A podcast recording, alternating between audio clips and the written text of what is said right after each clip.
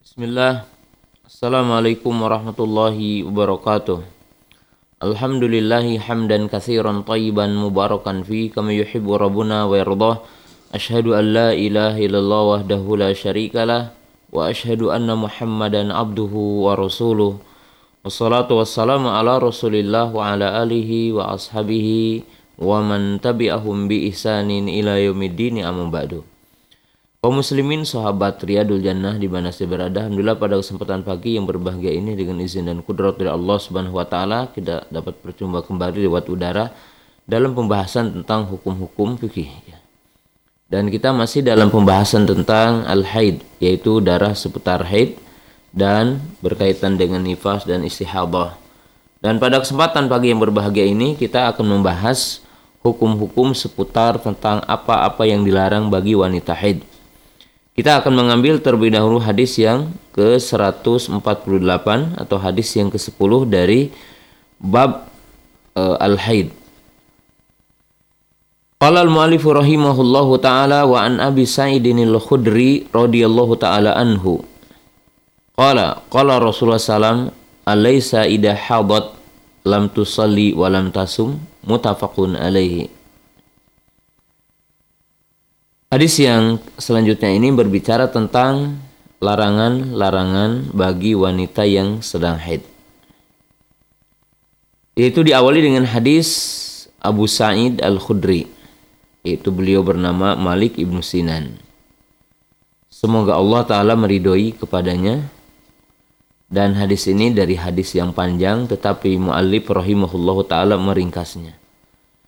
Qala Qala Rasulullah sallallahu alaihi wasallam telah bersabda baginda Rasulullah sallallahu alaihi wasallam. Alaysa idha habat ini almar'ah lam tusolli wa lam tasum bukanlah apabila wanita sedang haid dia tidak sholat dan dia tidak puasa. Di sini diriwayatkan Imam Bukhari dan Muslim. Dan hadis ini adalah hadis yang sebenarnya adalah hadis yang panjang. Faqad iktasara al-mu'allifu rahimahullah ta'ala hadal hadis. Dan hadis ini adalah hadis yang sesungguhnya panjang. Artinya hadisnya ini punya cerita dan hadis ini adalah hadis yang panjang. Di mana hadis ini ketika Rasulullah Shallallahu alaihi wasallam menyampaikan di dalam khutbah Idul Adha. Itu dikatakan oleh Abu Sa'id Al-Khudri radhiyallahu taala nu kharaja Rasulullah fi adha au fi fitr ila musalla famara ala nisa'i.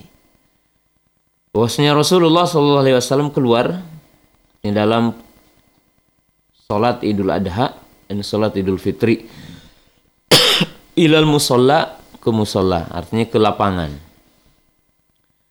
Pemar ala nisa'i lalu beliau melewat ataupun menghususkan nasihat kepada kaum wanita. Faqala ya ma'syarun nisa'i tasodakna.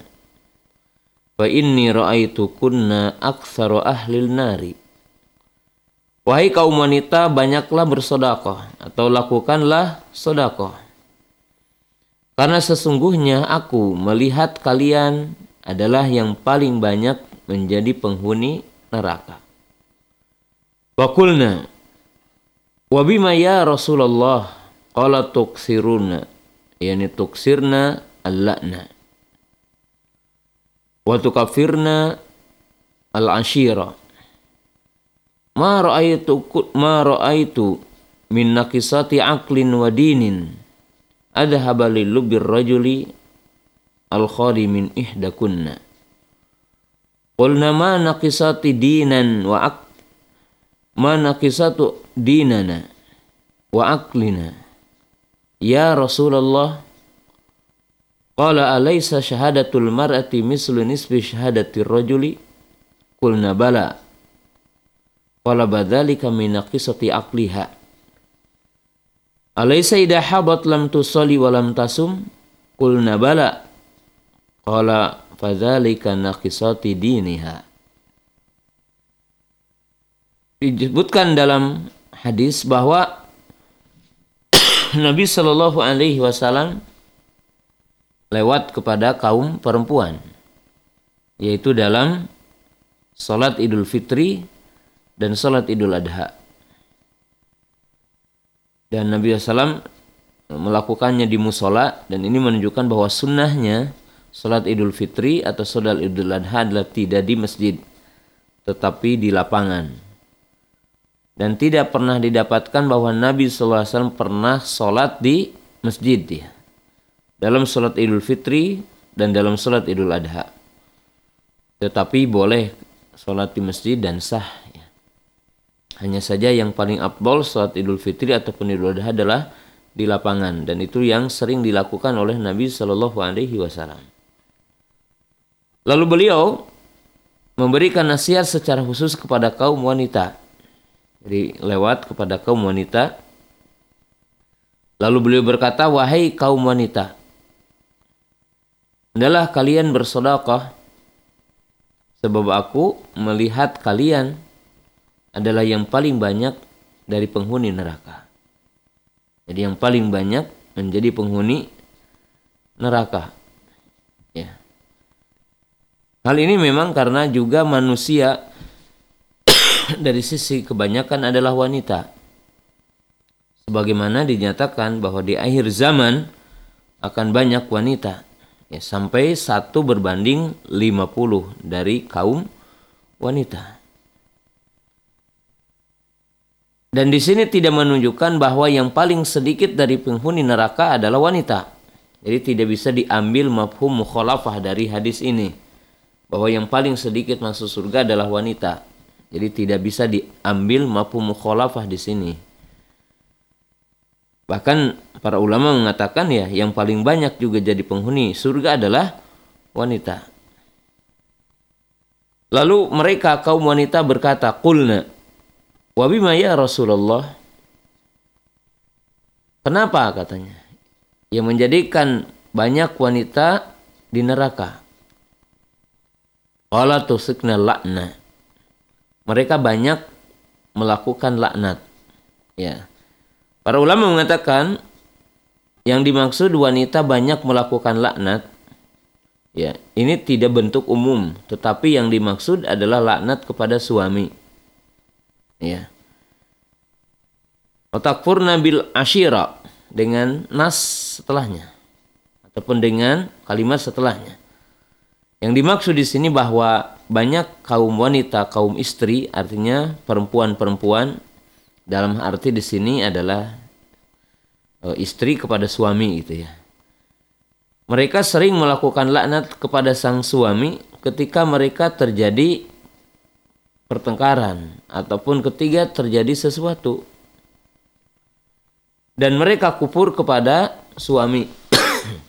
Jadi di sini bukan kufur kepada Allah di dalam nas ini ya. Jadi bukan berarti mereka kufur kepada Allah, tidak beriman kepada Allah. Walaupun banyak yang kufur kepada Allah ya dari kaum wanita sebagaimana kepada dari kaum laki-laki. Tapi yang dimaksud di sini adalah kufur kepada pemberian suami. Mereka tidak bersyukur. Mereka adalah tidak berterima kasih kepada pembagian suami, artinya pemberian suami di mana mereka itu apabila telah terjadi sesuatu dengan suaminya maka dia mengatakan kamu begini-begini ya di mana engkau tidak pernah melakukan kepada aku gini-gini ya. Jadi pemberian suami itu apa? Dilupakan termasuk mungkin dari mulai memberikan mahar. Dan ini bukan eh, pembahasan kita hari ini ya karena kita akan membahas apa-apa yang dilarang bagi wanita. Ya ini kita akan bahas di tempat lain berkaitan dengan masalah hubungan suami dengan istri. Tetapi ini sekilas saja. Lalu beliau juga mengatakan, aku tidak melihat yang paling lemah akalnya dan paling lemah agamanya dari kalian, kata Nabi SAW. Jadi lemah akalnya dan lemah agamanya. Maka mereka pun bertanya, apa yang menyebabkan kaum wanita itu lemah agamanya dan lemah akalnya? Jadi lemah cara berpikirnya, lemah akalnya. Maka Nabi SAW mengatakan tidaklah saksi seorang wanita adalah saksi setengah persaksian laki-laki.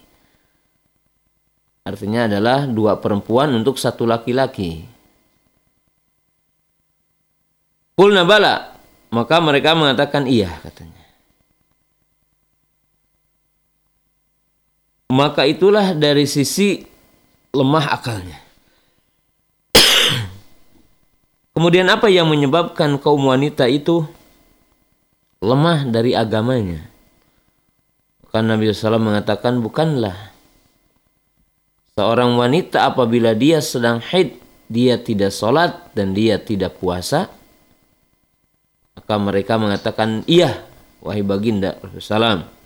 Maka itulah ya bentuk dari lemahnya agamanya. Demikianlah baginda Rasulullah SAW berdialog dengan sejumlah kaum wanita dalam kesempatan Idul Fitri dan Idul Adha. Yang menunjukkan hukum asal dari suara perempuan itu tidak aurat ya. Akan tetapi tidak auratnya suara perempuan pertama tentunya bukan nyanyian ya.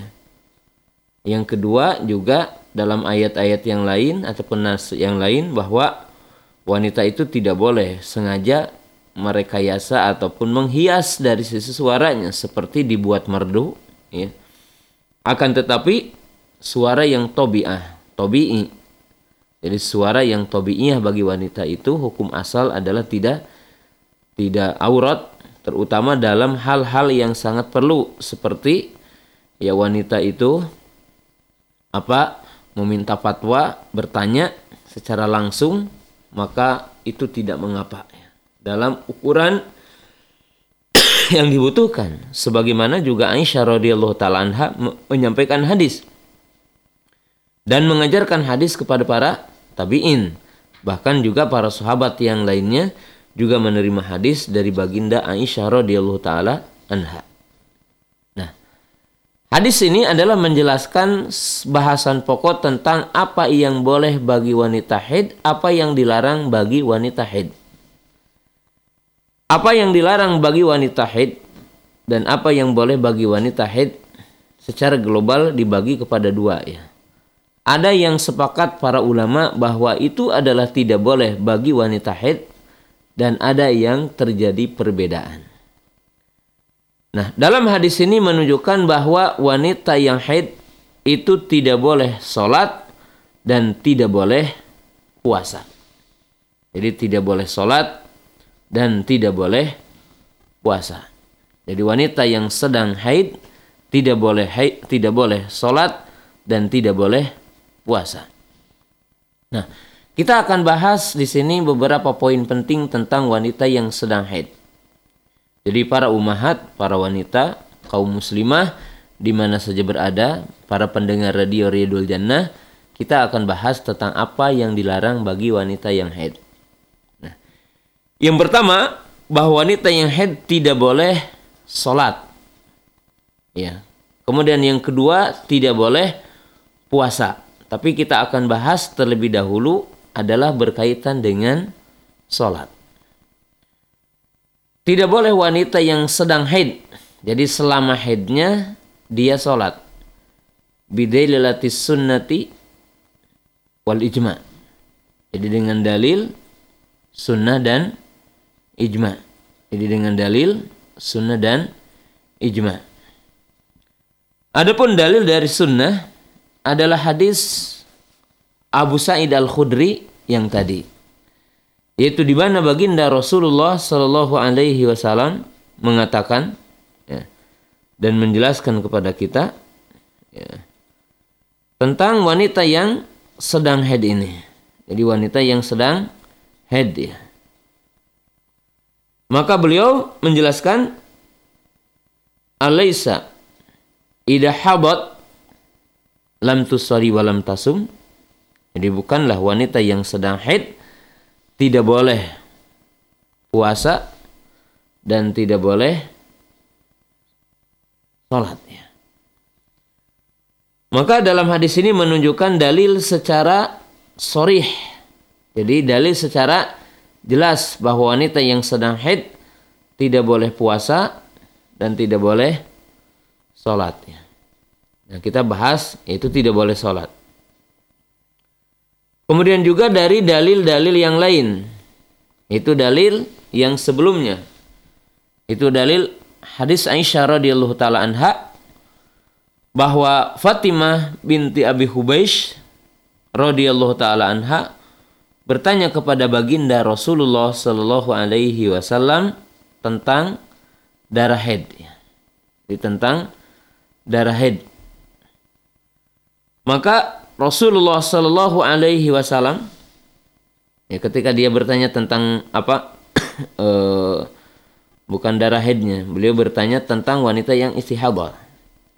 Maka Rasulullah SAW mengatakan, Walakin da'is salata qadrul ayyami allati kunti tahidina fiha. Thumagtasili wa salli. Bahwa Nabi SAW bersabda kepada Fatimah binti Abi Hubeish, Semoga Allah Ta'ala meridhoi kepadanya, tinggalkanlah sholat dalam hari-hari yang engkau suka haid. Jadi tinggalkanlah sholat di hari-hari yang kau suka haid. Jadi selama haid maka anda, artinya kata Nabi SAW kepada Fatimah binti Abi Hubeish, tinggalkan sholat. Tinggalkan sholat di hari-hari tersebut ya. Itu adalah dalil yang menunjukkan wanita yang haid tidak boleh sholat. Kemudian yang selanjutnya adalah dinukil ijma, artinya telah ijma para ulama bahwa wanita yang haid dan selama haid tidak boleh puasa. Di antara yang menukil ijma adalah Al-Imam Ibnu Munzir rahimahullahu taala. Ya. Beliau mengatakan ajma'a ahlul ilmi la ikhtilafa bainahum ala isqati salati haidi fa ayyami haidiha Beliau berkata telah sepakat ahlul ilmi dan tidak ada perbedaan di antara mereka untuk jatuhnya kewajiban sholat bagi yang sedang haid di hari-hari dia haid. Jadi selama haid maka itu tidak boleh puasa. Nah, itu ijma dinukil oleh Imam Ibnu Mundir rahimahullahu taala. Dan di antaranya adalah Al-Imam An-Nawawi rahimahullahu taala jadi Al-Imam An-Nawawi rahimahullahu taala dalam kitabnya Syarah Muslim. Qala ajma'al muslimuna ala anal haidha wan nufasa'a la tajibu 'alaiha salata wala sauma fil hali.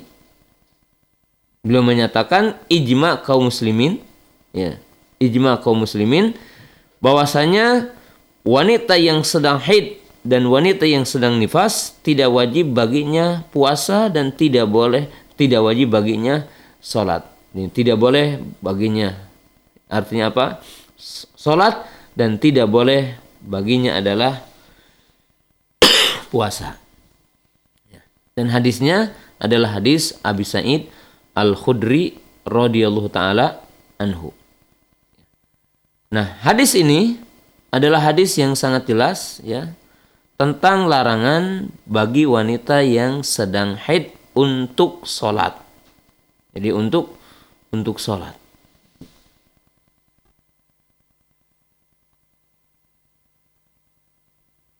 Dan tidak wajib baginya juga untuk mengkodok. Nah ini dicatat. Dan tidak wajib baginya adalah untuk mengkodok. Jadi selama haid dia tidak boleh sholat, ya, dan juga tidak boleh puasa otomatis kita akan bahas nanti.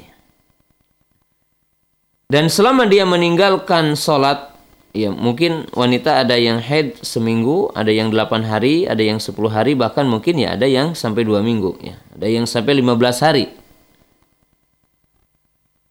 maka dia tidak wajib sholat bahkan tidak sah kalau dia sholat ya. Demikian juga baginya tidak wajib untuk mengkobok.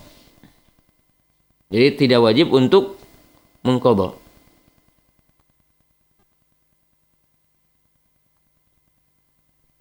kecuali pendapat dari kaum khawarij dari kaum khawarij di mana orang-orang khawarij itu mereka punya pendapat bahwa wanita yang meninggalkan sholat dia mengkodok sholatnya sebagaimana dia mengkodok puasanya.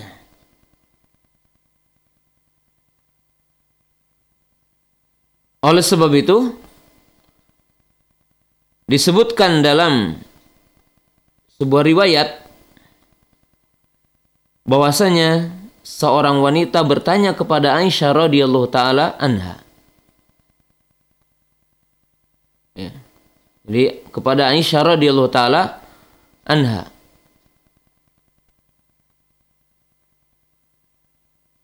Di mana dia bertanya kepada Aisyah radhiyallahu taala anha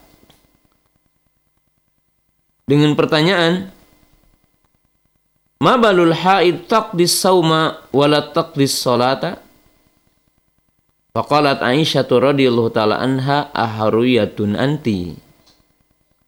Qultu lastu biharuriyah. Walakinni as'al. Qalat kana yusibuna dzalika fa nu'maru bi qada'is saumi wa la nu'maru bi qada'is salati. Seorang wanita datang kepada Aisyah radhiyallahu taala seraya dia berkata, "Kenapa?" katanya. Wanita itu mengkodok puasa dan dia tidak mengkodok sholatnya. Maka Nabi apa Aisyah radhiyallahu taala berkata, Apakah engkau seorang haruriyah? Ya, seorang khawarid. Ya, orang khawarid dikatakan haruriyah. Selain nama khawarid.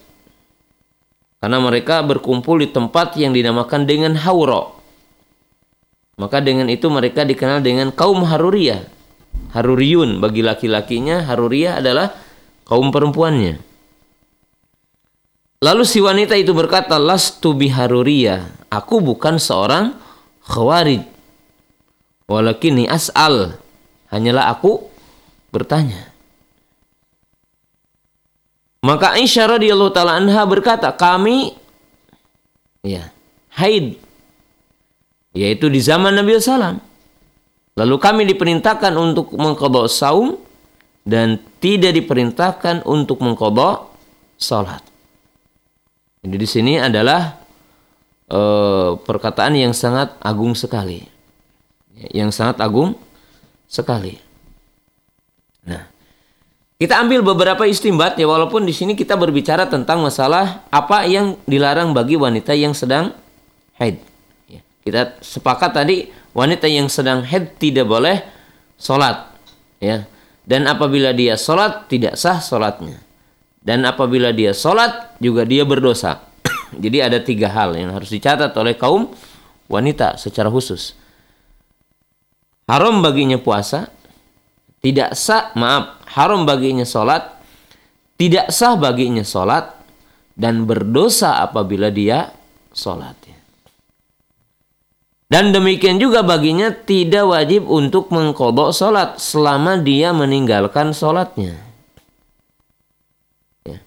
Sampai di sini dikisahkan tentang seorang khawarid yang bertanya kepada baginda Aisyah radhiyallahu taala anha. Kenapa katanya wanita yang sedang haid itu mengkodok puasa tetapi dia tidak mengkodok sholat? Maka Aisyah radhiyallahu taala bertanya, apakah engkau seorang haruriyah, seorang khawarid? Dia mengatakan, aku cuma bertanya saja. Aku cuma beristifsar saja, pingin tahu hukumnya. Maka Aisyah radhiyallahu taala mengatakan kami biasa haid. Lalu kami diperintahkan untuk mengkodok puasa dan tidak diperintahkan untuk mengkodok saum. Maaf, tidak diperintahkan untuk mengkodok sholat ya. Nah, kaum muslimin, kaum muslimah yang dirahmati Allah Subhanahu wa taala dalam kisah ini ada satu ataupun beberapa pelajaran yang sangat berharga. Yang pertama, Mizanuddin Laisal Akal. bahwa di sini menunjukkan bahwa timbangan agama adalah bukan akal. Jadi timbangan agama adalah bukan akal. Sebab kalau diakal-akali oleh kita, di sini kenapa meninggalkan puasa itu ada kodok, tapi meninggalkan sholat tidak ada kodok gitu ya. Padahal ini adalah dua syariat umpamanya. Kenapa meninggalkan sholat tidak ada kodok, meninggalkan puasa ada kodok. Dan mungkin kalau diakal-akali oleh kita juga bahwa e, meninggalkan puasa itu kan akan puasa lagi itu berat gitu ya. Kalau 15 hari, 10 hari di saat orang lain itu tidak puasa juga berat bagi dia. Tapi kenapa gitu? Nah menunjukkan bahwa di sini kita tidak bisa bahwa agama ini diukur dengan akal. Agama ini ditimbang oleh akal kita. Oleh sebab itu para ulama menjelaskan di dalam hal ini tentang kaidah kita dalam beragama. Jadi bagaimana kita itu beragama. Di mana dalam beragama itu asalnya apa? Al-istislam wal inqiyad. Duna ta'arrudi bi aqlin wala bi ra'yin wala bi madhhabin wala bil 'adah wa ghairi. Ini catat dengan catatan tinta emas oleh setiap mukmin. Bahwa asal dalam beragama itu adalah tunduk dan patuh kepada dalil tanpa kita menolak atau ditimbang-timbang dengan akal kita. Dengan pendapat kita. Dengan pendapat madhab umpamanya. Karena orang itu bermadhab kepada A, B, C. Atau dengan adat. Ya, tidak ada ungkapan umpamanya orang mengatakan kita orang Indonesia ya Islamnya Indonesia bukan Islam Arab. Fahada tab'an qaul akrabu ila kufrin. Kalau kita berbicara tentang agama ini, agama kita ya Islam, Islam Indonesia, bukan Islam Arab umpamanya. Kita tidak bisa bahwa Islam itu diukur dengan adat apa pun, mau adat Arab, mau adat Indonesia, adat Amerika atau apa saja, nggak bisa. Islam adalah melaksanakan dalil, Islam adalah melaksanakan syariat. Dan orang yang mengatakan itu tentunya adalah sangat dekat sekali kepada kekufuran atau itu adalah kalimat kufur. Tidak boleh seorang muslim kita mengatakan Islam itu Islam Nusantara atau Islam apa? Enggak ya. Islam itu adalah apa yang datang dari Allah dan Rasulnya. Seluruh adat harus tunduk dan patuh kepada syariat ya. Dan Islam ini menciptakan kedamaian dan ketentraman. Itu yang wajib dicatat oleh kita ya. Dia tidak ditimbang oleh akal. Sehingga kita lihat kepada perkataan para ulama kita tentang apa yang kita sedang bicarakan ini dan misal yang diumpamakan ini. Lihatlah kepada perkataan Ikrimah rahimahullahu taala itu seorang ulama tafsir. Suila ataqdi al-haidus salata qala dzalika bid'ah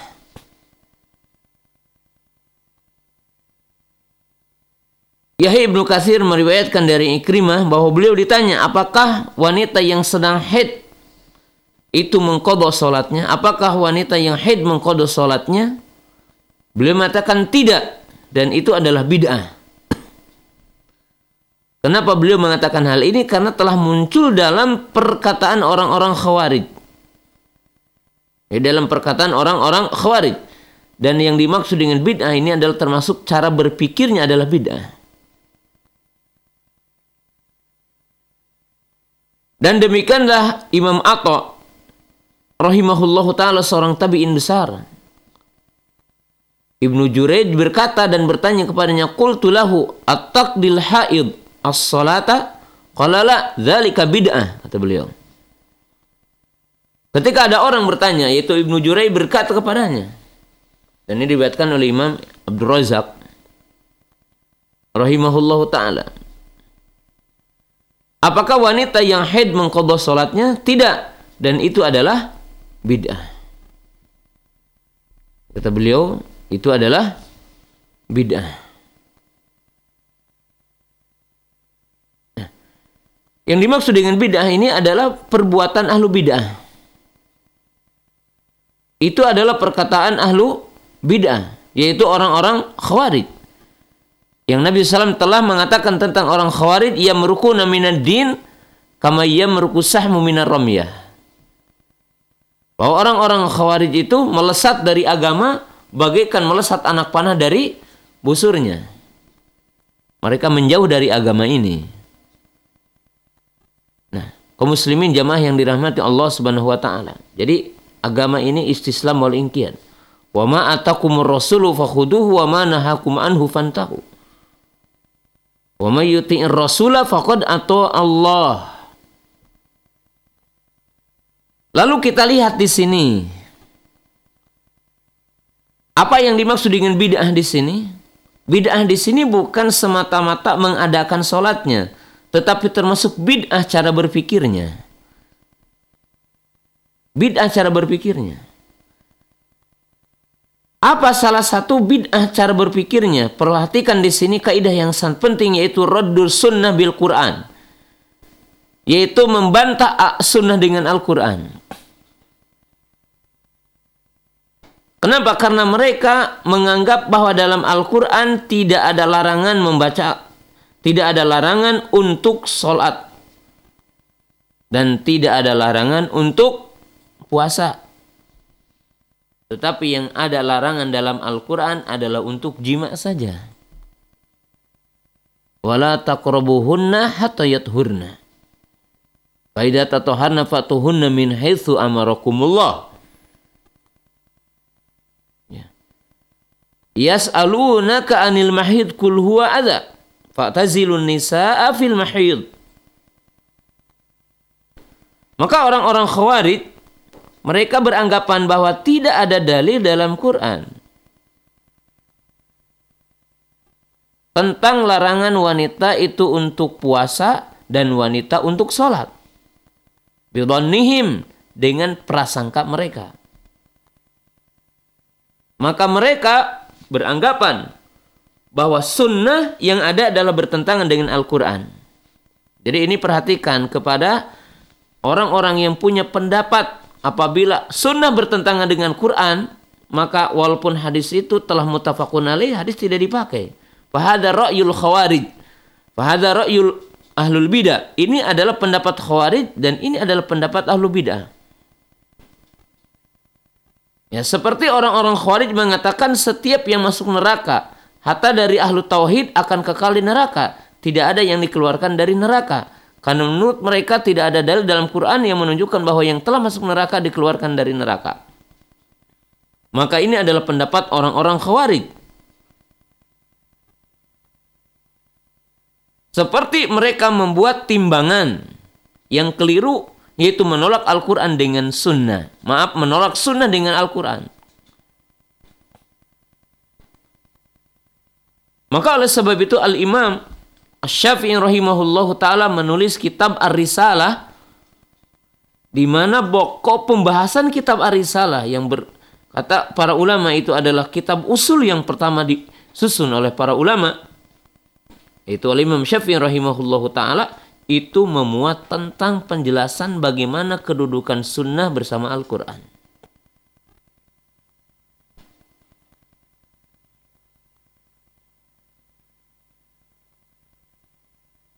Lihatlah perkataan Imam Ibnu Hajar rahimahullahu taala.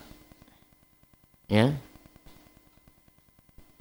Pada jilid yang pertama halaman 560 ya Tentunya mungkin saja kalau halaman ini terkadang berbeda tobaahnya.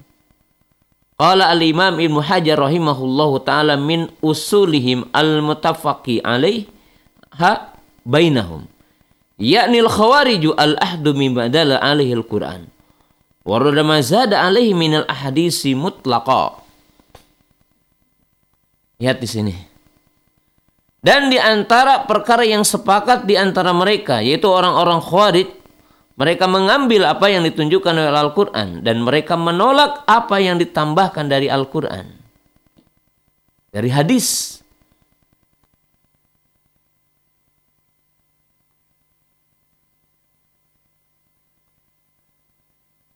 Wa khaba wa khashar man rada sunnah bil Quran. Wa qad nazala al-Qur'anu bittiba'i sunnah. Allah subhanahu wa ta'ala Wa ma atakumur rasulu fakhuduhu wa ma nahakum anhu fantahu. Wa qala subhanahu wa ta'ala wa may yuti'ir rasula faqad Allah. Dan sungguh celaka dan sungguh rugi orang yang menolak sunnah dengan Quran. Kenapa? Karena Al-Quran telah memerintahkan mengikuti sunnah. Seperti dijelaskan dalam surat Al-Hasyr ayat 7 apa yang datang kepada kamu dari Rasul maka ambillah dan ikutilah.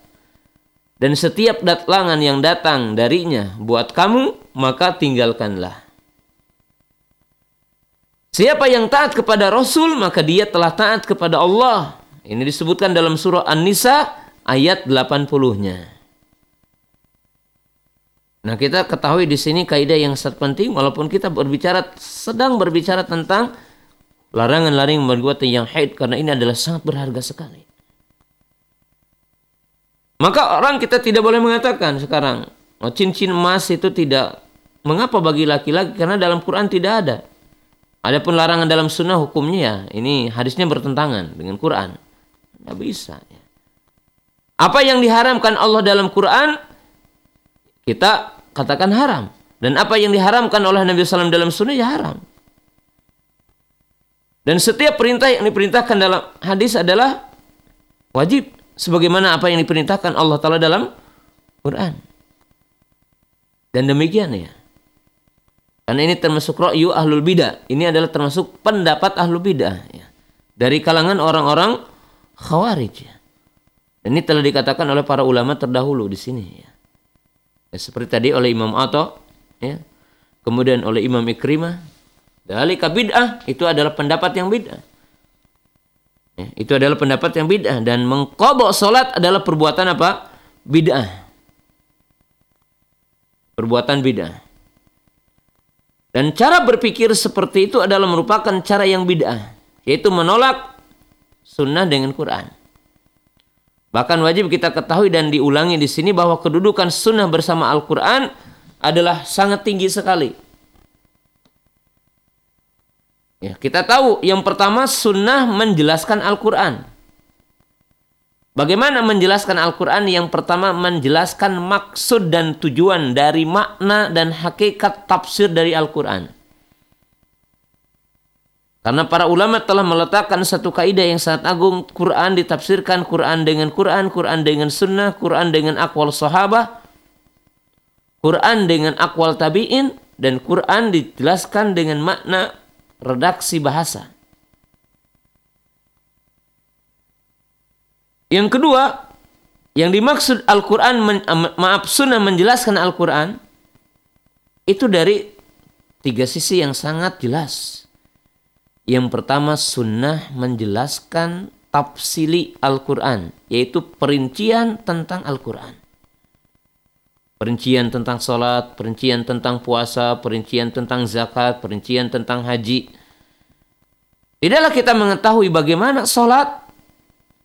Quran hanya menjelaskan perintah sholat. Dan ada bagian-bagian seperti bagian perintah berdiri, perintah sujud, perintah ruku ya. Warka'u wasjudu warka'u ma'ar roki'in waqumu lillahi qonitin. Ya. Khusyuk perintah ya itu. Namun bagaimana perintah berdiri? Bagaimana kalau sakit? Nggak ada penjelasannya dalam Quran. Ruku, sujud. Bagaimana perincian kaifiah rukunya, kaifiah sujudnya? Nggak ada dalam Quran. Yang ada dalam apa? Dalam hadis. Zakat. Asnaf disebutkan delapan asnaf, kemudian yang dizakati perinciannya tidak ada. Berapa nasab nisobnya, berapa dikeluarkannya, ya. Jenis-jenis ya sekarang umpamanya ziroah ya yang berkaitan dengan pertanian, yang berkaitan dengan peternakan. Ya. Semua perinciannya ada dalam sunnah. Sekarang berkaitan dengan haji, Kemudian juga umrah, perinciannya seperti apa tawaf, seperti apa sa'i, seperti apa mabit di Mina, seperti apa mabit di Muzdalifah, seperti apa wukuf di Arafah. Bahkan penyebutan wukuf di Arafah juga tidak ada dalam Quran. Tetapi wukuf di Arafah adalah merupakan inti dari haji. Al-hajju arafatun, kata Nabi SAW. Di sini sangat jelas sekali ya. Kemudian sunnah itu mengkhususkan apa yang sifatnya umum dalam Al-Quran. Kemudian hadis ini apa takyid memberikan batasan apa yang sifatnya mutlak dalam Quran. Jadi kalau orang berbicara Al-Quran tanpa berbicara hadis dia akan sesat ya. Maka dikatakan bid'ah. Jadi di sini jelas. Ikrimah rahimahullahu taala Kemudian juga di sini adalah Imam Ato dan para ulama mengatakan bahwa mengkodok salat bagi wanita haid adalah bid'ah. Ini termasuk bid'ah apa? Cara berpikirnya. Kaidah yang dipakai adalah bid'ah. Kenapa? Karena menimbang agama dengan akal. Dan ini dikatakan merupakan pokok ahlu bid'ah. Dari kalangan orang khawarij adalah menentang sunnah dengan Quran. Ini menentang sunnah dengan Quran. Dan ini ada faedah yang sangat agung sekali. Yang wajib kita pahami tentang kedudukan sunnah. Kemudian yang ketiga, dalam kisah yang sangat agung ini memberikan satu faedah yang sangat berharga. Bahwa seorang itu mesti tamayuz. Apa yang dimaksud dengan tamayuz? Ya yang namanya ahli sunnah harus asli ahli sunnah ya. Di mana dia harus berbeda dengan yang lainnya. Berbeda dari sisi cara berpikirnya, berbeda dari berbagai sisinya. Akhlak ahli sunnah, ya cara berpikir ahli sunnah, manhaj ahli sunnah, landasan ahli sunnah, akidah ahli sunnah, berbeda.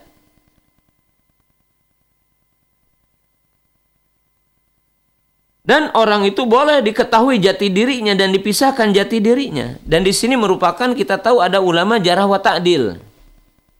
Ya, ada ulama jarah wa ta'dil. Pulan khariji, pulan murji, pulan qadari, pulan syi'i dan seterusnya. Dan ini menunjukkan bahwa kita harus meng, juga membeda-bedakan kondisi orang. Ya, si pulan ini apakah madhabnya apa gitu ya? Bukan madhab berkaitan dengan pendapat dalam fikih ya di sini tetapi dari sisi cara beragama.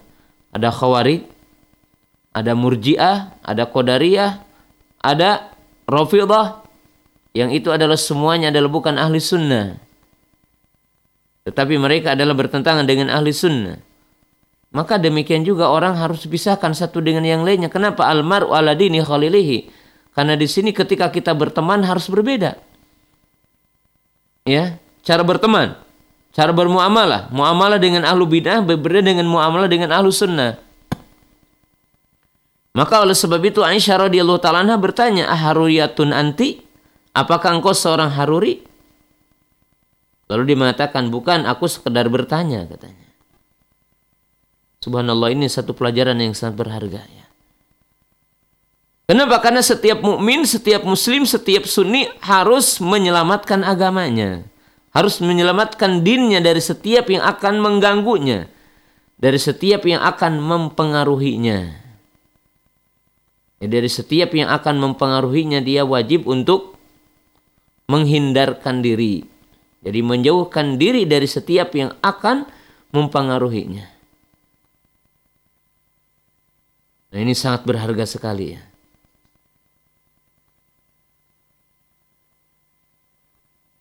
Maka di sini wajib kita mengetahui tentang kaidah ahli sunnah itu apa? takdimun nas ala nak takdimun nakal al akal. Wajib mendahulukan nakal al adilah minal kitab wa sunnah atas akal.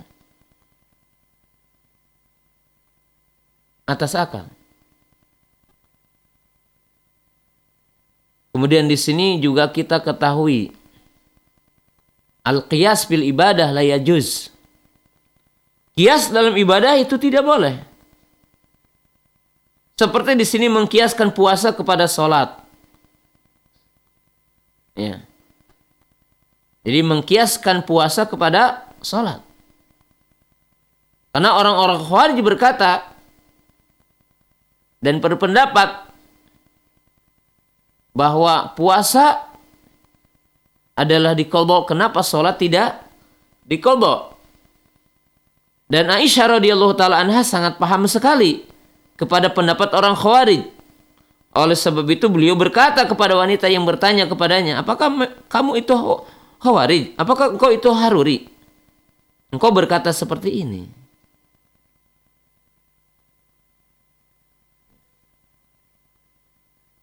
Dan satu perkara yang sangat agung dalam akidah ahli sunnah dan manhaj ahli sunnah. Bahwa kita mengatakan al-aqlu sahihu la yata'arradu sahihi. Bahwa akal yang sehat itu tidak akan bertentangan dengan nas yang sahih. Dan yang nas yang sahih tidak akan bertentangan dengan akal yang sehat.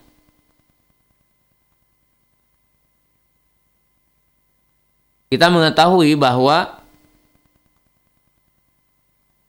kita mengatakan yuharul uqul lakin la yuhalul uqul. Memang terkadang kita mendapatkan nas yang membuat gejolak dalam akal kita, tetapi tidak mustahil kalau kita paham kepada hal itu semua. Jadi tidak ada yang dikatakan mustahil.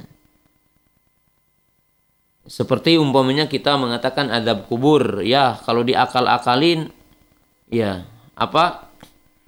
Tidak masuk akal itu. Di mana tulang belulang dan daging manusia telah panak telah hancur. Bagaimana kok ada adab kubur?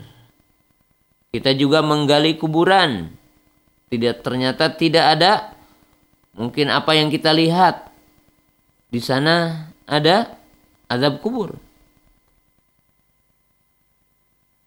Tetapi agama ini adalah bukan timbanya akal. Tetapi itu tidak mustahil bagi akal. Dengan dua alasan. Bahwa apa yang terjadi di alam goib tidak bisa ditimbang dengan alam yang hadir hari ini. Tetapi alam yang hadir hari ini memberi contoh dan memberikan pelajaran kepada akal tentang apa yang akan terjadi nanti. Tidaklah kita mengetahui tentang mimpi, ini contoh dalam tentang adab kubur. Wah adab kubur kepada ruh dan jasad. Artinya ruh dan jasad akan merasakannya. Bagaimana menurut akal dan timbangan akal diberikan pelajaran tentang mimpi? Seperti saya jelaskan atau sering jelaskan di banyak tempat. Tidaklah kita mengetahui orang yang bermimpi, mimpi tidak lepas dari mimpi yang menyenangkan dan mimpi yang menakutkan. Kita beri contoh mimpi yang menyenangkan orang yang tidur di bawah jembatan, di kolong jembatan, mungkin orang yang berkelana umpamanya, dia tidur di bawah pohon, ya, ketika dia melakukan perjalanan, dia mimpi masuk sebuah hotel yang megah bersama seorang perempuan atau istrinya. Lalu dia mimpi nikmat sekali. Ya, dia berjalan merasakan kenikmatan makan yang mewah lezat keindahan-keindahan tapi ternyata dia berada di bawah jembatan beralaskan tikar ruhnya berkelana jasadnya berada tetap di bawah jembatan itu, tapi jasadnya merasakan nikmatnya. Dan sebaliknya orang yang berada di atas kasur yang empuk, di rumah yang mewah, ber-AC dan seterusnya, di sebelahnya istri yang soleh, cantik. Lalu dia mimpi dikejar harimau di sebuah belantara, hutan belantara. Dia ketakutan semalam itu. Sampai terdengar suara takutnya dia terengah-engah ya. Sampai istrinya membangunkannya. Ketika ditanya ada apa? Dia mengatakan aku mimpi.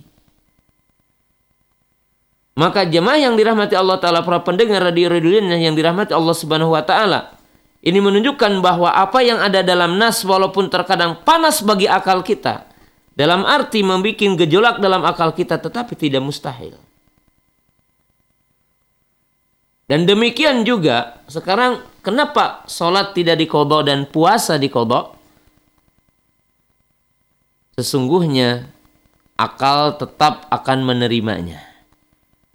Kalau kita mencermati dengan lebih dalam. Puasa walaupun memang tadi berat tetapi mudah untuk menghitungnya dan melakukannya. Tetapi untuk sholat, apakah yang dimaksud mengkodok sholat adalah mengkodok sholat setiap harinya? Berarti wanita itu sholat dua roka, apa dua kali, duhur dua kali karena satunya mengkodok, satunya hal ya. Artinya eh, sholat hari ininya. Maka sesungguhnya sangat sulit mengkodok sholat dengan mengkodok saum. Dan syariat ini diturunkan dengan membawa kemudahan maka yang sulit ditinggalkan yang tidak sulit tetap dalam kewajibannya. Subhanallah. Ini dikatakan oleh para ulama. Nah, kaum muslimin para pendengar radio Rul Jannah yang dirahmati Allah subhanahu wa ta'ala. Jadi ini adalah satu pembelajaran yang sangat agung bagi kita semua tentang masalah ini. Jadi kita wanita yang head dilarang untuk sholat ya dan baginya tidak mengkodok nah tetapi di sini ada beberapa masalah. Jadi ada beberapa masalah yang sangat penting berkaitan dengan sholat. Masalah yang pertama, apabila wanita haid setelah masuk waktu sholat dan si wanita itu adalah belum menunaikan sholat. Jadi belum menunaikan sholat. Maksudnya gimana? Kita jelaskan satu koidah yang sangat penting di sini.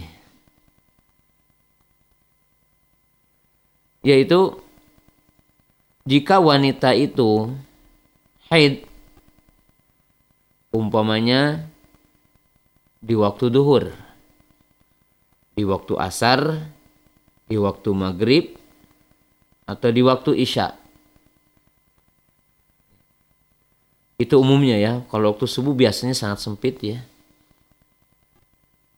Dia terkena head umpamanya pukul 2 atau pukul 1. Katakanlah. Sedangkan waktu duhur adalah pukul ya 12 per 4 atau 12 kurang dan semisalnya. Sementara dia belum menunaikan sholat. Jadi belum menunaikan sholat. Sebelumnya. Lalu haid. Apakah dia ketika suci wajib mengkodok sholatnya nanti? Jadi wajib mengkodok sholatnya nanti atau tidak?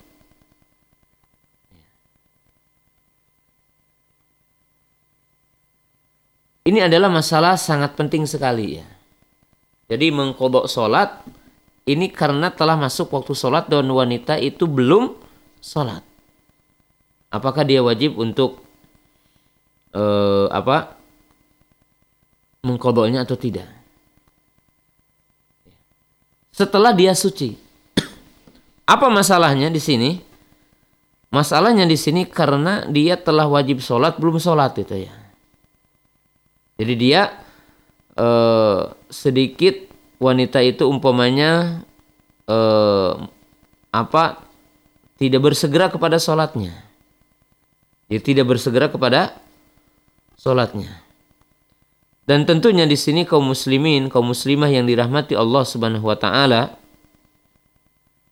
ya wanita umpamanya mengakhirkan akhir sholat ya ada dua ada yang memang ada penghalang sebelumnya sehingga dia itu belum sempat sholat.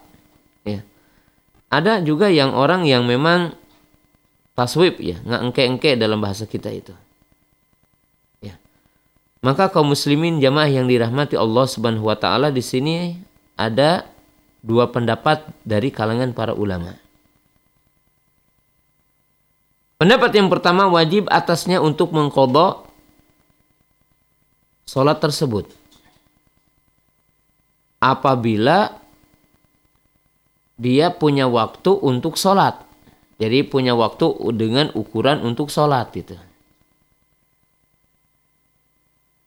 Nah ini adalah pendapat dari ulama Hanabilah dan ucapan Imam Sya'bi, Imam Nakhai, Imam Qatadah dan Ishaq.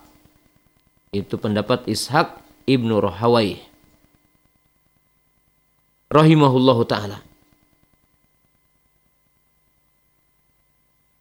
Di mana beliau mengatakan bahwa dia telah wajib baginya sholat. Tetapi dia tidak melakukannya.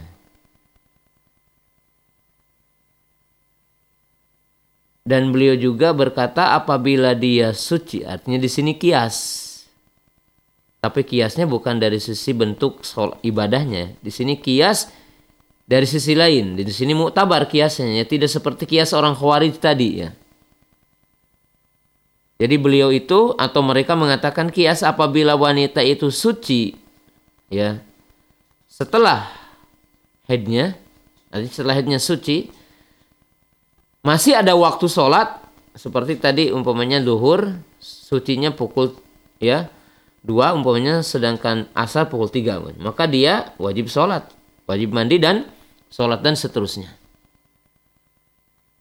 sebagaimana wajib untuk sholat bagi yang suci sebelum datangnya waktu sholat berikutnya maka waktu sholat itu wajib bagi dia untuk sholat maka demikian juga yang mendapatkan waktu sholat belum sholat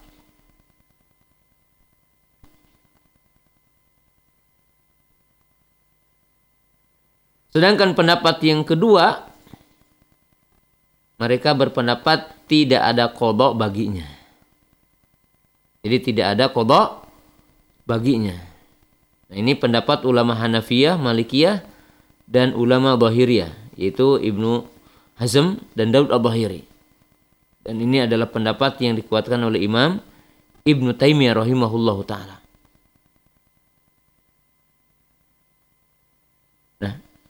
yang jadi dalil bagi mereka bahwa kodok hanyalah diperintah dengan perintah yang baru. Jadi wajib dengan perintah yang baru. Bukan perintah yang tadi gitu ya. Sebelumnya. Kemudian yang kedua mereka mengatakan bahwa sholat Allah Ta'ala telah menetapkan waktu yang telah ditetapkan. Awal dan akhirnya.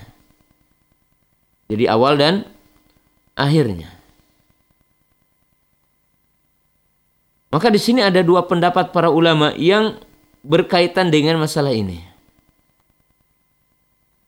Ini yang berkaitan dengan masalah ini.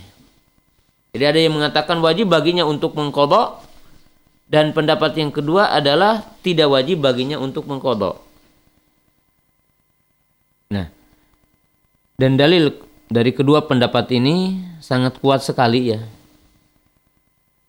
Karena tentunya bagi yang pertama tadi wanita itu telah masuk waktu sholat dan dia punya kesempatan untuk sholat tapi dia tidak sholat sehingga datang waktu haid. Maka sudah barang tentu ya dia telah diwajibkan dengan sholat pertama itu gitu. Dan dia punya waktu untuk menunaikan sholat. Jadi punya waktu untuk menunaikan sholat. Sedangkan dia tidak sholat. Ya. Sedangkan pendapat yang kedua ia mengatakan tidak wajib baginya untuk mengkodok. Jadi tidak wajib baginya untuk mengkodok. Kenapa? Sebab kata mereka mengakhirkan sholat kan boleh. Dan jika orang itu mengakhirkan sholat, maka sah sholatnya. Dari waktu sholat yang telah ditetapkan. Kalau mengakhirkan di luar waktunya ya jelas ya. Itu apa? Dia berdosa ya. Tapi mengakhirkan masih dalam waktu sholat, dia boleh ya, dan tidak berdosa baginya. Tidak berdosa baginya. Mereka mengatakan bahwa dia belum mutayin sholatnya. Artinya belum, artinya dia adalah tidak termasuk berdosa mengakhirkan sholatnya.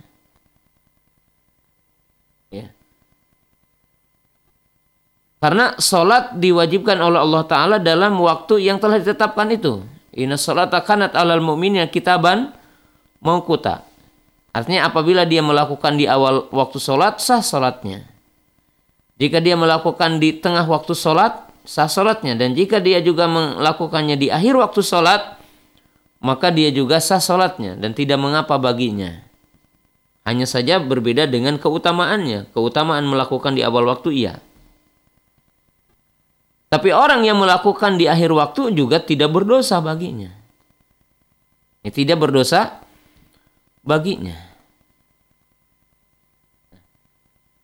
Maka di sini mereka mengatakan kalau begitu ya tidak ada kodok baginya. Tidak wajib kodok baginya.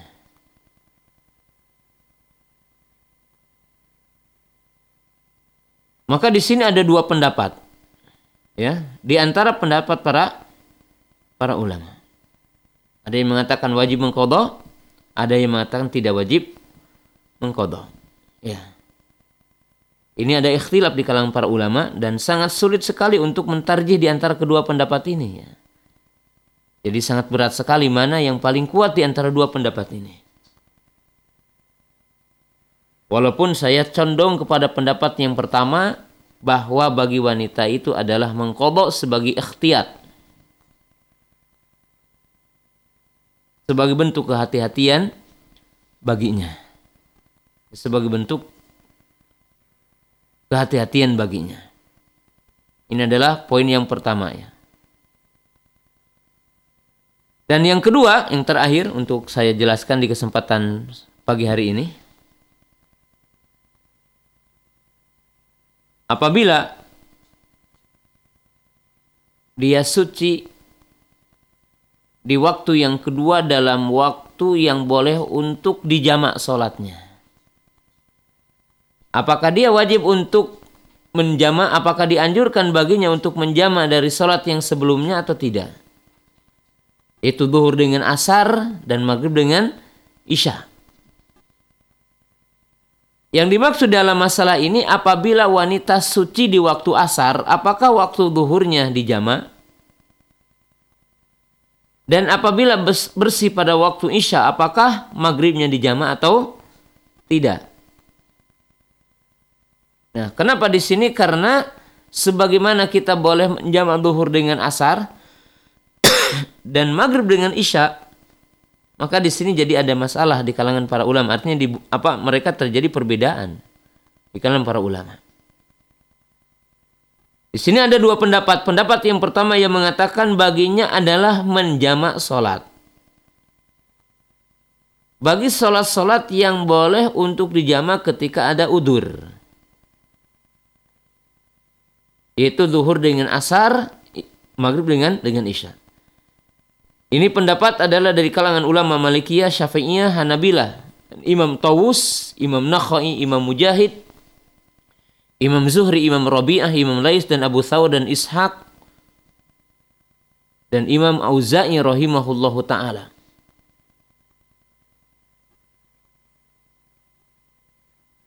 Kenapa? Karena hadis ini apa? Mereka mengatakan bahwa sebagaimana kita boleh menjamak duhur dengan asar dan maghrib dengan isya ketika udur maka demikian juga wanita yang suci di waktu asar. Dia jama dengan waktu duhur. Dan yang suci di waktu isya, dia menjama dengan waktu maghrib. Karena waktu yang pertama adalah waktu yang apa? Kedua di waktu udur.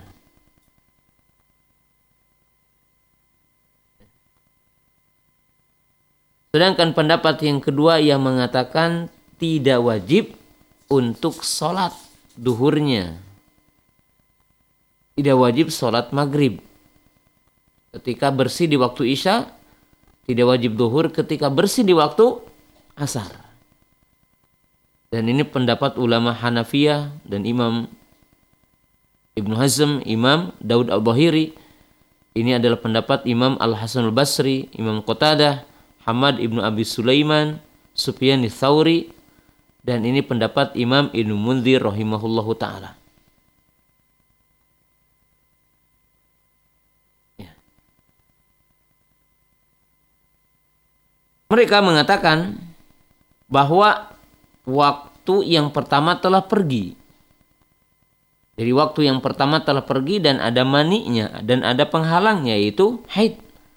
Maka tidak wajib baginya untuk jamaknya. Karena telah pergi. Ya. Waktu yang pertama itu.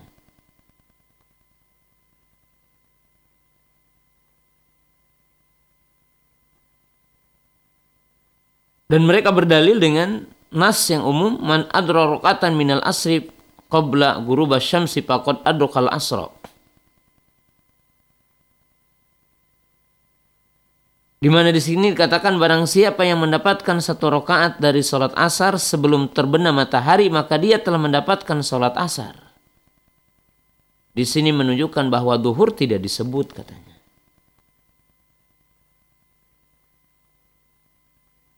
Jadi di sini menunjukkan barang siapa yang mendapatkan asar ya, ya asar tidak disebutkan untuk mendapatkan sholat duhur. Jadi mendapatkan sholat duhur. Mendapatkan sholat duhur di sini. Maka kaum muslimah yang dirahmati Allah Subhanahu wa taala ini dua pendapat. Juga tentang menjama. Dan guru saya Syekh Mukbi rahimahullah taala condong yang pertama ya. Dia mengatakan ya jama gitu. Dan saya condong dalam masalah ini adalah condong kepada pendapat yang kedua bahwa baginya adalah tidak wajib untuk mengkop menjama. Ya tidak wajib untuk menjama. Kenapa? Karena sholat duhur ataupun sholat ish, maghribnya telah pergi, ya, sebagaimana dalam hadis yang tadi. Wallahu taala alam. Ini adalah berkaitan dengan sholat. Dan perkara yang sangat penting untuk mengakhiri perjumpaan kita di pagi yang berbahagia ini, yaitu yang mendapatkan waktu sholat telah suci di waktu sholat. Maksudnya di waktu sholat itu bukan ketika sholatnya. Di waktu sholat tertentu. Seperti waktu duhur, waktu maghrib, waktu isya dan sebagainya. Yaitu dia mendapatkan waktu sholat. Untuk sholat.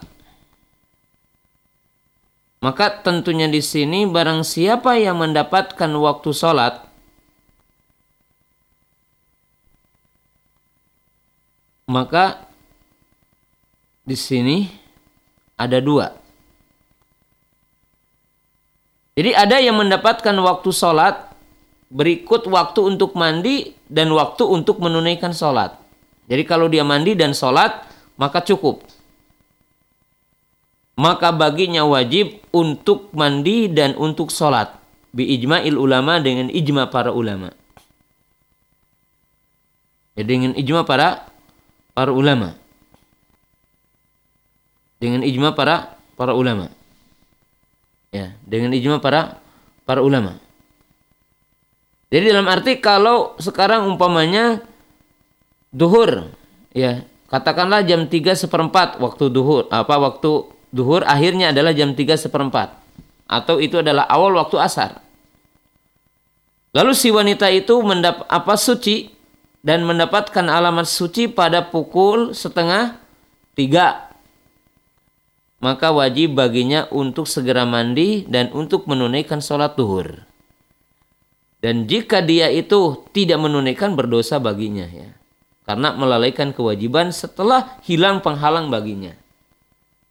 Jadi hilang penghalang baginya. Dan tentunya mendapatkan sholat adalah mendapatkan satu rakaat. Ya. Dengan dalil yang umum tadi, Man adra rok'atan minal asri qabla ghurubi syamsi faqad adrakal asra. Jadi cukup dengan seukuran mendapatkan satu rakaat.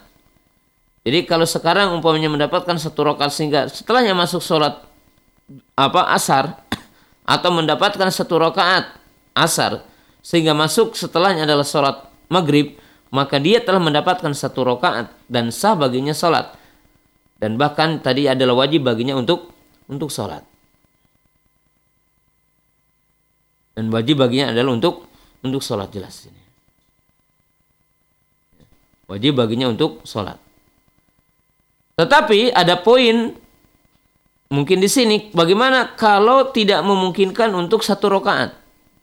Jadi dia suci mendekati waktu sholat berikutnya. Itu sholat tadi sholat maghrib umpamanya. Dan suci sebelum sholat maghrib di waktu yang sangat sempit dan dia tidak mungkin untuk mandi sehingga keluar waktu sholat itu. Jadi waktu sholat maghrib itu. Maaf, sholat asar itu. Apakah dia mengkodok atau tidak? Nah di sini poin sangat penting. Maka kaum muslimin, kaum muslimah yang dirahmati Allah Subhanahu wa taala. Kalau dia suci dalam waktu yang tidak mendapatkan waktu sholat. Artinya kalau dia mandi, maka telah pergi waktu sholatnya. Apakah dia mengkodok sholatnya atau tidak? Maka di sini juga terjadi perbedaan di kalangan para ulama dan yang rojih wallahu taala alam tidak wajib baginya untuk mengkodok. Jadi tidak wajib baginya untuk mengkodok. Ya, Allah taala alam sampai di sini dulu pembahasan kita dan kita akan membahas poin-poin yang lainnya pada pertemuan yang akan datang insya Allah. Baik, Jazakumullahu khairan kathira khairul jaza Kami ucapkan kepada Al-Ustaz Abu Qatadah Hafizullahu Ta'ala Yang pada pagi hari ini telah kita simak bersama dan kita dengarkan dari ilmu yang telah disampaikan Dari pembahasan fikih Islam dari kitab Bulughul Maram Yaitu pembahasan mengenai larangan-larangan Atau apa-apa yang tidak boleh dilakukan oleh wanita atau perempuan yang sedang haid Baik untuk pertanyaan pertama Sudah ada beberapa pertanyaan yang masuk di pagi hari ini Assalamualaikum warahmatullahi wabarakatuh. Pak Ustadz mau bertanya di luar tema pembahasan hari ini. Apabila sholat witir dilakukan ba'da sholat isya Ustadz, maka jumlah rokat untuk sholat qiyamul lail harus berapa rokat Ustadz? Dan apakah jumlah rokatnya menjadi genap seumpama 8 rokat atau genap lainnya? Jazakumullahu khairan kasiro. Kalau kita akan menunaikan sholat malam ya tidak ada, Allah alam tidak ada batasannya dari jumlah sholatnya. Ya. Akan tetapi tidak boleh ada dua witir dalam semalam itu ya. Kalau udah menunaikan witir ya di awal malam maka tunaikan witir dan boleh ya. Dan apabila telah menunaikan witir lalu kita bangun ya di tengah malam ya boleh kita sholat tetapi jangan witir lagi. Dan tidak perlu dan tidak ada dalil Allah taala alam yang menunjukkan batasan harus berapa rakaat ya semampunya sholat malam Allah taala alam Baik, jazakumullahu khairan katsira kepada Al-Ustaz untuk jawaban dari penanya kita yang pertama tidak mencantumkan nama dari hamba Allah. Semoga menjadi kejelasan bagi penanya dan bagi para pendengar sekalian. Kemudian pertanyaan selanjutnya, Assalamualaikum warahmatullahi wabarakatuh. Ustadz, maaf kembali bertanya di luar tema. Dosakah saya yang suka merasa jengkel Ustadz kepada suami karena dia tidak bekerja dan jarang memberikan nafkah? Terima kasih. Wassalamualaikum warahmatullahi wabarakatuh dari hamba Allah di Tasikmalaya. Ya. Pertama ya kewajiban suami itu adalah menafkahi istri. Dan baginya adalah bekerja tentunya ya. Orang mukmin itu harus bekerja untuk mencari nafkah untuk dirinya untuk keluarganya dan hukumnya wajib ya mencari nafkah itu. Karena dilarang bagi setiap muslim meminta-minta. Ya, meminta-minta. dan termasuk berdosa orang yang melalaikan keluarganya. Ya berdosa melalaikan keluarganya, melalaikan istrinya. Maka dengan itu juga para sahabat kita ketahui dan Nabi SAW mengatakan karena Daud layak kulu ila min amali yadihi. Keadaan Daud beliau tidak makan kecuali dari usaha tangannya, usaha dirinya sendiri. Jadi berdosa bagi suami yang tidak menafkahi istrinya. Berdosa bagi suami yang tidak ingin kerja mencari nafkah baik dirinya untuk anaknya. Berdosa baginya. Dan istri boleh meminta cerai kepada suami yang seperti ini. Ya. Suami yang tidak memberikan nafkah boleh ya istrinya untuk meminta cerai. Untuk hulu ya. Kecuali ada alasan sedang mencari ya dan sebagainya. Dan jengkel ya tentunya atau jengkel atau apa meminta ya tidak. Ya tentunya kalau melaknat tidak boleh ya. Dan hukum taat kepada suami ya selama suami juga boleh gitu ya. Hanya saja apabila menyebabkan wanita itu maksiat kepada suaminya maka boleh istrinya adalah untuk meminta cerai kepada suaminya. Wallahu taala. Baik, kembali kami ucapkan jazakumullahu khairan katsira khairul jaza kepada Ustaz untuk jawaban dari penanya kita yang kedua dari hamba Allah di Tasikmalaya. Baik, satu pertanyaan kembali. Assalamualaikum warahmatullahi wabarakatuh. Ustadz saya mau bertanya, apakah benar ada dalil perempuan yang sedang haid tidak boleh melewati tanah di atas wakaf Ustadz? Terima kasih atas pencerahannya. Ya. Saya belum pernah tahu ya bahwa Nah, ada dalil bahwa wanita yang sedang haid tidak boleh melewati tanah wakaf. Dan tentunya ini mungkin termasuk bid'ah, ya Allah Tidak ada dalilnya dan tidak pernah ya. Dan ini tentunya larangan yang tidak berdasar ya. Larangan yang tidak berdasar, larangan yang tidak ada dalilnya. Ya, tanah wakaf, sekolah tanah wakaf. Nggak boleh wanita ke sekolah. wanita yang haid tidak boleh sekolah berarti ya tanah pesantren-pesantren wakaf semua ya. Berarti Baik. wanita haid tidak boleh taklim, tidak boleh sekolah, ya lagi sekolah tidak boleh. Ya kalau pesantren ya tanah apa asramanya wakaf ya banyaknya gitu. Wah ini berbahaya sekali yang memberatkan ya kepada Nah, Ini, Semoga menjadi ya, pencerahan bagi penanya dan tentunya bagi para pendengar sekalian. Kemudian pertanyaan selanjutnya kita akan bacakan melalui BBM, pesan melalui BlackBerry Messenger Bismillah, Assalamualaikum warahmatullahi wabarakatuh. Saya mau bertanya, Ustadz, apakah apabila seseorang yang sedang mempunyai wudhu kemudian bersentuh dengan yang bukan mahram, haruskah wudhu kembali ketika mau melaksanakan sholat? Mohon penjelasannya lengkap dengan hadisnya. Terima kasih dari. Uh, berkaitan dengan ini kita telah bahas, cuma bersentuhan dengan yang bukan mahram. Pertama hukum bersentuhan dengan yang bukan mahram, jika disengaja hukumnya haram. Gitu jadi bersentuhan, bersalaman, menyentuh ya. Yang bukan mahram itu hukumnya haram gitu ya. Sebagaimana ya dalam Quran dijelaskan ya tidak boleh. Kemudian dalam hadis jelas ya, bahwa Nabi SAW mengatakan lebih baik aku bersentuhan dengan babi yang berlumuran dengan tanah daripada aku harus menyentuh wanita yang bukan mahram. Kemudian lebih baik aku ditusuk dengan jarum yang dipanaskan pada bara api daripada aku harus bersentuhan dengan yang bukan mahram. Kemudian Nabi SAW mengatakan inilah usafihun nisa'a hatta fil. Nabi SAW mengatakan aku tidak musofaha, tidak bersalaman dengan wanita hatta dalam berbai'ah. Berbai'ah ya artinya bai'ah di sini. Itu tidak berjabat tangan dengan wanita. Ya hukumnya haram bersentuhan dengan yang bukan mahram ya, bersalaman apalagi makan cekapa cikipi ya. itu tidak boleh ya yang dengan bukan mahram kemudian hukum bersentuhan dengan wanita dengan istri. Apakah membatalkan wudhu atau tidak? Nah ini telah kita bahas bahwa para ulama berbeda pendapat kepada tiga kaul. Yang pertama yang mengatakan bersentuhan itu batal. Itu pendapat seperti Imam Syafi'i ya dan yang lainnya. Yang mengatakan kalau dengan syahwat adalah batal ini adalah pendapat Imam Ahmad.